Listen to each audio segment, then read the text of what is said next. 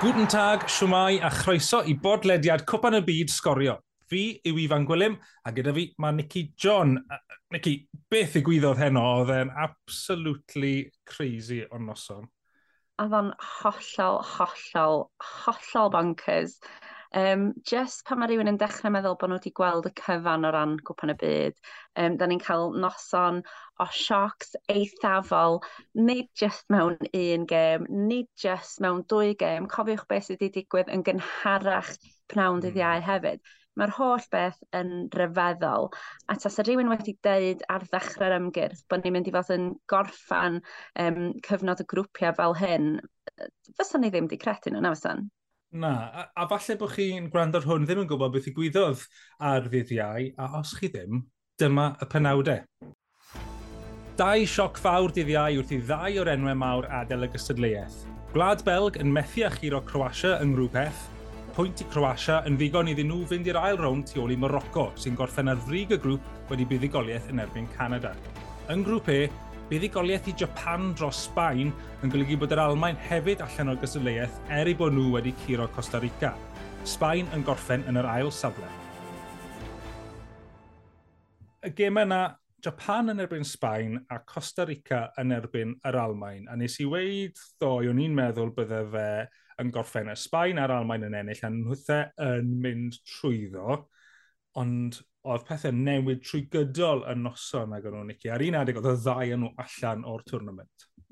Yeah, a fel yn ei ddeud ar y pwynt yma, twed, dyma dwi'n cyfeirio ato fe pan nes i ddeud ar y top yn fanna, so bod yna sioc mewn tair gem mewn ffordd, achos mi oedd yna gyfnod lle ar ôl bod ar, ar ei hôl chi, oedd Costa Rica wedi dod yn ôl ac unioni'r sgôr, ac yna oedden nhw ar y blaen yn erbyn Almain, ac o'n i'n edrych ar y tabl bryd hynny, lle oedd Japan hefyd yn curo Sbaen o ddwy gol i un ar y pryd, ac yn edrych ar y tabl ac yn gweld, wel hang on, mae yna chans go dda fan hyn, os di pethau'n aros fel ma nhw, bod ni'n mynd i golli Sbaen a Ralmain allan o'r gystadleuaeth. Hollol, hollol bizar. Um, dwi'n mynd dweud, bydd oedd yr Almain yn ôl wedyn yn do, um, ac i fynd â honna ac ennill o bedair gol i ddwy yn y diwedd, ond bod hynny ddim digon iddyn nhw. I mean, mae rhaid bod hynny yn brifo nhw gymaint. Um, yeah. Wel, just o edrych ar y lluniau, so, ti'n gweld ar hyd y fain y chwaraewyr efo'i, efo penna yn ei dwylo nhw ac eraill jyst yn gorwedd ar hyd lawr maen nhw'n mynd i fod yn eithriadol o siomedig o fynd allan ar y pwynt yma am yr eildro yn olynol gan gofio mm. mae dyna ddigwyddodd yn y cwpan y byd y trodwythau iddyn nhw hefyd. Um, ia, yeah, ond o ran, o ran Sbaen a Japan, um, er o'n i wrth fy modd yn gweld Japan yn unioni, um, twad, yn dod allan fel nathyn nhw ar ôl bod ar ei holi, yn unioni um, efo gol wych, ond wedyn y gol fuddigol, mae yna gymaint o gwestiynau wedi cael eu codi, um, achos y dyfarnwr yn syth bron iawn yn dweud, wel na, doedd honna ddim yn gol, oedd na, oedd na gam sefyll. A wedyn chydig o funudau yn ddiwedd arach, sylweddoli, o hang on, mae rhywbeth yn digwydd fel, fan hyn. Maen nhw wedi mynd, a maen nhw'n edrych ar VAR, a gath hyn ymlaen, ac ymlaen. A dwi, dwi dal ddim yn siŵr pa lun maen nhw wedi weld yn wahanol i'r hyn da ni wedi weld adra. Um, yeah, ond, well, uh, yeah, ond bil, bil, yeah, y bil allan o'r cae chwarae oedd y broblem, yn e? dweud, oedd y bil yn edrych os wedi mynd allan am gic gol, ond wedyn bod Japan wedi cicio i nôl fewn i'r cael chwarae, ond wedyn ni'n credu, bod nag yw'r broblem yw bod VAR, maen nhw wedi penderfynu bod y dyfarnwr yr anghywir a bod y bel wedi aros ar y cae chwarae, ond ni ni heb weld llun sydd yn dangos yn cadarnhau un ffordd i'r llall. Dyna, dyna yw'r er, sydd wedi creu'r dryswch falle, um, a Graham Sŵnes yn gandryll bod e heb weld y lluniau. Oed. um, Do you know who I am? Yeah. show me the photos. Um, nes i fethu y deg munud cynta, ond erbyn i fi ddechrau gwylio, oedd hi'n un, un i ddim i Sbaen a un i ddim i'r Almain. Felly o'n i'n meddwl, ah, business, dyd, fel o'n i'n disgwyl, mae'r ddau mm. enw mawr yn mynd trwodd, a wedyn hanner amser, ie, yeah, dim siocs heno, gallwn ni gloso dros y gym yma yn y pod heno. a wedyn ni, ie, yeah, oedd e fel all hell broke loose yn yr ail hanner. Oh, yeah. Japan yn sgorio mor gynnar a wedyn ni, a dath yr ail un bron o bod yn syth hefyd, a we, so wedyn ni, ie, yeah, o'n nhw yn y driving seat. A ni, dyna o'n i'n meddwl oedd y potential bod Japan yn mynd i fynd uh, trwodd yn lle yr Almain yn lle Sbaen. Nes i ddim ar un adeg meddwl uh, bod Costa Rica yn rhan o'r equation. So, ni pan nath nhw fynd ar y blaen yn ebyn yr Almain, o'n i'n meddwl, what? Oedd e'n, ie, yeah, game well, ddwy gêm mor ddiddorol. Dwi'n gweud bod, o'n i'n siarad nithwr am beti'r gêm agoriadol yn 2006, nath orffen yn bedair gol i ddwy, a nes i weid anhybygol bydde fe yr un mor gyffroes, ond pedair gol i ddwy oedd i i'r Almain. Oh, na, oedd hi'n bonkers, oedd hi'n bonkers. A ti'n gwybod be, er gweitha'r ffaith um, bod na so, wel, mae yna ma, ma bob math o sylw yn mynd i gael ei roi i'r ail gol na o ran Japan yn does. Eto, dwi'n falch bod nhw drwodd, achos mm. dwi'n meddwl ddothon nhw i fewn i'r gystadleuaeth heb unrhyw ddisgwyliadau gen y byd sy'n allan ar ei sgwydda nhw. Um, a ddothon nhw allan a curo yr almahain yn gwbl anusgol. Um, a wedyn ffaith wedyn bod nhw'n colli Costa Rica, ti'n fatha, come on, lle mae'r gysondeb? A Costa Rica yeah. gynt wedi colli o saith gol i ddim yn erbyn Sbaen. Wel, os bydden nhw wedi, os bydden nhw wedi curo. wedi digwydd, ond i yes. ddod allan um, ac i gyro Sbaen heno, dwi'n mor falch o weld lluniau, tywed, y cefnogwyr yn dathlu ac yn y blaen. A wir, wir wrth i bodda, twa, dyna ydy cwpan y byd, ynda, dyna ydy, twa, dyna di'r lluniau da ni wrth i'n bodda yn gweld. Um, ond ia, ydy o'n mynd i fod yn biti mewn ffordd bod y gol sydd i roi nhw yna, efo gymaint o, o farciau cwestiwn o'i chwmpas ei. Nee. Oh, come on. Da ni newid cael gweld llun fan hyn gen Mr Cynhyrchydd Dwi'n meddwl bod y bel allan yma na i fan. Na, mae'n iawn, mae'n hwnna mewn, mae'n mewn, dwi'n gweld... So a'n gallu gweld uh, fresh air rhwng y bel o'r llinell fyna. Mae'n hwnna mewn. Wel, oedd, oedd VAR yn cytuno efo ti'n doedd. Ie, yn iawn.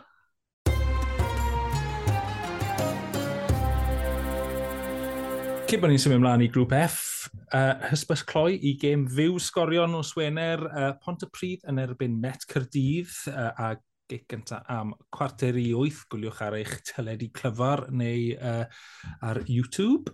Uh, grŵp F uh, dyddiau. Yn y prynhawn, uh, Croatia yn ebyn Gwlad Belg. Oedd angen i Gwlad Belg giro Croatia. Felly oedd e'n, oedd e ddim yn brynhawn hawdd iddyn nhw, ond mi o'n nhw'n warthus, wyli yna gyda'n i chi.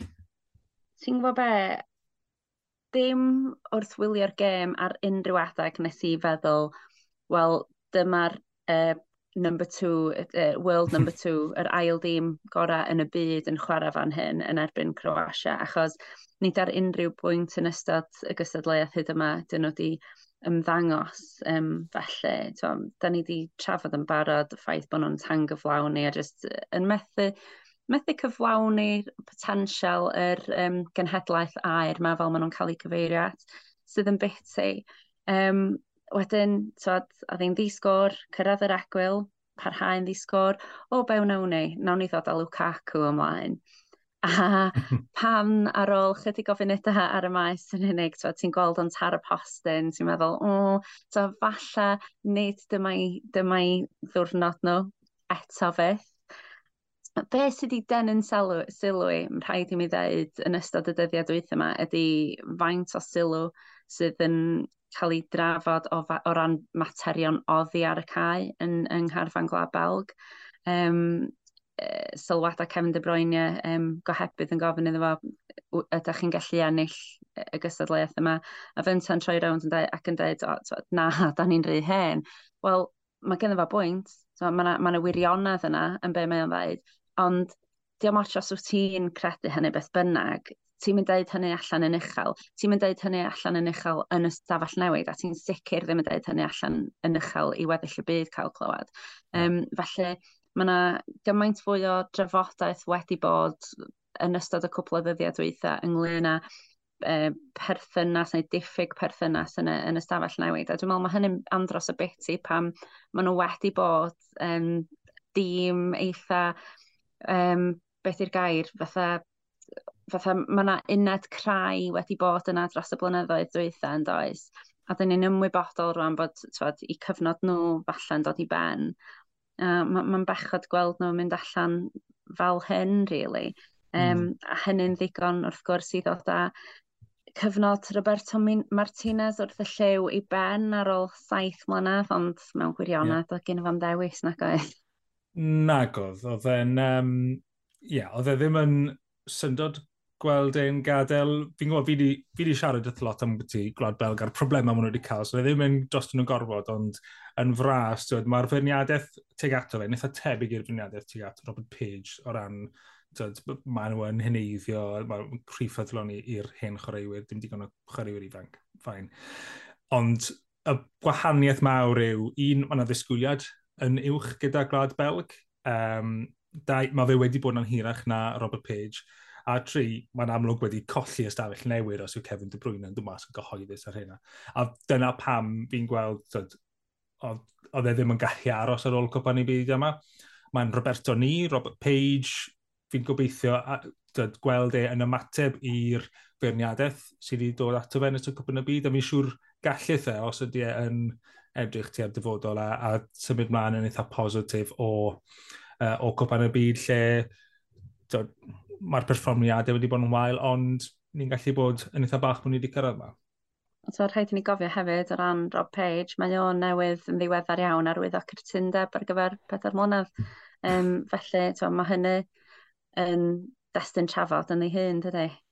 Yndi, ydy.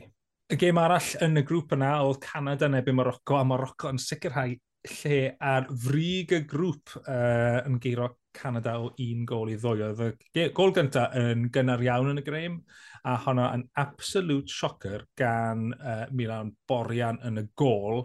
Um, oedd e'n debyg iawn i beth y gwyddoedd gyda Wayne Hennessy ar gyfer y cedyn coch yna, bod wedi rhithro mas o'r gol, yn wahanol i Hennessy, mi nath Borian cael y bil, mae'n eithaf glirio fe'n syth tuag at Hakim Ziyech, oedd gyda wedyn ni, gol gwag er mwyn just Oedd e ddim yn tapyn achos oedd e eitha pell ar gol, ond uh, ie, yeah, nath e ddim camgymeriad, fynd rhwydo'n hawdd felly. oedd hi'n um, brawn anodd i Canada ar ôl hynna. Mi ddathen nhw gael gol gysur, ond ie, yeah, mae Rocco ar fri grŵp F felly gyda Croatia yn ail. Hynna'n meddwl bod Morocco nawr am chwarae yn ebyn Sbaen, dyna i gwobr nhw am orffen y frig y grŵp, a Croatia yn chwarae yn erbyn Japan.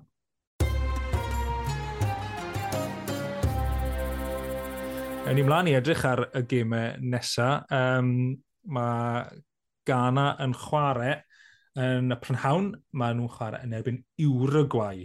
Um, be wneud i o'r gêm yna? Achos mae yna hanes rhwng y ddau dîm. Wel, yr unig beth da ni'n gorau dweud fan hyn ydy Luis Suarez, dwi'n meddwl, yn dda. um, I, I law o yn rhwystro gan anol yn 2012 rhag mynd ymlaen ddim pellach yn y gystadleuaeth. Um, ehm, a felly mae nhw wedi bod yn disgwyl deuddeg o flynyddoedd hir er mwyn dial ar Uruguay ac ar Luis Suarez. Um, a wel, falla, falla dyma i cyfle nhw, achos os da ni'n edrych ar sut mae eir y gwaed i wneud yn y, yn y gystadleuaeth hyd yma, wel, mm. eitha siomedig, dyn nhw heb sgorio hyd yma, un gêm gyfartal a cholli'r llall. Gan gofio bod Ghana di sgorio pimp hyd yma, a dyma'n hi mi yn y sweep, yn y swyddfa hefyd, um, dwi yn mynd i roi y ceiniog arnyn nhw fory, dwi'n meddwl. Yeah. Wel, mae pwynt yn debygol o fod yn ddigon iddyn nhw hefyd, a fel ti'n gweud, gyda ffordd mae Uruguay, dark horses fi wedi bod yn chwarae, yeah, fi'n fi meddwl bod ti'n iawn eith gana, fi'n meddwl, mynd trwy i hwn fod cwpan y byd mwyaf llwyddiannus Africa. Um, y gêm arall yn y grŵp yna yw Corea yn erbyn Portugal. Portugal yn debygol o fynd trwyodd um, pwynt sydd angen yn nhw hefyd. Uh, be fi'n gweld sy'n ddiddorol fan hyn, Paolo Bento, rheolwr Corea, uh, dod o Portugal yn chwarae i Portugal yn yr unig tro arall mae'r hyn wedi cwrdd yn 2002 pan giro South Korea o gol i ddim i ennill y grŵp a taflu Portugal allan. Mi oedd yna ddwy cerdyn coch yn y gêm yna, a mi oedd yna cerdyn coch i Paolo Bento yn y gêm ddwetha pan nath De Corea golli Ghana. Falle dim Wayne Hennessy yw'r unig cerdyn coch sydd wedi bod yn y gwpan yma, achos oedd Paul Bento yn dadle bach gormod gyda Anthony Taylor ar ddiwedd y gêm De Corea Ghana. Grŵp G wedyn ni, um, Cameroon Brazil, Brazil trwodd yn barod, um, dim yn disgwyl unrhyw beth ond buddigoliaeth i, Cam i Brazil fyna yn y bôn er gweitha ffaith gallu. Ti'n meddwl falle bydden nhw'n gorffwyso pobl, Nicky? Um, Swn i'n dychmygu hynny, ond os da ni realistig, hyd yn oed os dyn nhw'n um, rhoi tîm o, well, ail dîm allan ar y cae yna. So, maen nhw'n dal yn cynnwys chwaraewyr sy'n gallu cerdded i fewn i unrhyw dîm arall. Un o'r enw o'n i'n sylwi arno fo oedd uh, Dani Alves. Mm. A hmm. twad, mae o wedi bod o gwmpas ers tro byd yn dod. Dwi'n cofio i gyfweld o cwpl o weithiau nôl yn oh, o, i ddyddio fo hefo... Na, name dropping. Name dropping. yeah, name dropping, me and Danny Alves. um, dwi'n dwi cofio, wel, twad, dwi, dwi jyst yn cofio fatha y ffordd oedd o'n dod drosodd yn y lle, uh, twad, lle y wasg i gyd yn ymgasglu. A'r teimlad o'n i wastad yn galed, o, so ni ddim yn licio croesi'r boi yma, a dda e jyst fatha yn, yn canolbwyntag in the zone drwy'r adeg. Ac uh, o'n i'n disgwyl gweld o faint o flynyddoedd yn ddiweddarach yn yn dal i chwarae dras i wlad, yn dal i gael hmm. cyfle i chwarae dras i wlad. Ac ar y llaw arall, mae siŵr, do'n i'n mynd disgwyl sy'n ni dal ar sgoria chwaith yn, yn dal i drafod pel droed, ond hmm. ie, yeah, diolch beth fo fi. yeah. Uh, gêm arall yn y grŵp yna yw Serbia neu ebyn Swister, a bach fel Ghana i Uruguay yn y grŵp arall. Um, mae Serbia a Swister yn grudge match. Um, Bu'n nhw chwarae gilydd yn Copan y Byd diwetha a Swistir yn curo o dwy gol i un, ond yr penawdau yn y gêm yna oedd y sgorwyr Granit Xhaka a uh, Shakiri o dras Kosovo Albanian mewn trwbl am eu dathliadau nhw yn uh, yeah, gol yr un a nath y ddau nhw, dwi'n meddwl, wneud uh, goal celebration yn wneud arwydd yr er erir ddeiben. Um, wel, chi'n ffili really gweld gyda pod fi'n trio wneud e. ond, ie, uh, yeah. bach, bach, fel, bach fel mae Gareth Bale yn wneud gyda'r calon, ond oedd e bach yn fwy politically charged ac um, yn edrych fel eryr. Bach fwy intense na hynny, falle. Ie, yeah, gathen nhw, gathen nhw dirwy a llond pen wrth FIFA, ond so, bydd hwnna yn un diddorol, achos fi'n siŵr bydd y ddau o nhw yn, um, yn cymryd rhan yn y gêm yna. Wel, diolch am ymuno dy fi unwaith eto, Nicky, oedd hwnna yn, uh, oedd tipyn i siarad am yn, yn fyna, fi'n cymryd ni wedi glosod dros bach gormod, ond ie, uh, yeah, diolch am ymuno dy fi. Lot i gymryd i fewn heddiw yeah. yma ar y cyfan, um, lot o siocs, a lot o bethau sy'n dal i gael eu prosesu ar hyn o bryd, dwi'n meddwl. diolch i chi adre am wrando gyda ni, uh, mi fyddwn ni nôl uh, i siarad am gemau ola yr uh, grŵps uh, tro nesaf. Cyn hynny, gwyliwch uh, game fyw, sgorio, pont y pryd yn ebyn met, nos Wener am gwarter i wyth. Newn ni weithio chi beth sydd wedi digwydd yn cwpan y byd, peidiwch poeni. Uh, a tan hynna, awf i dy hyrn.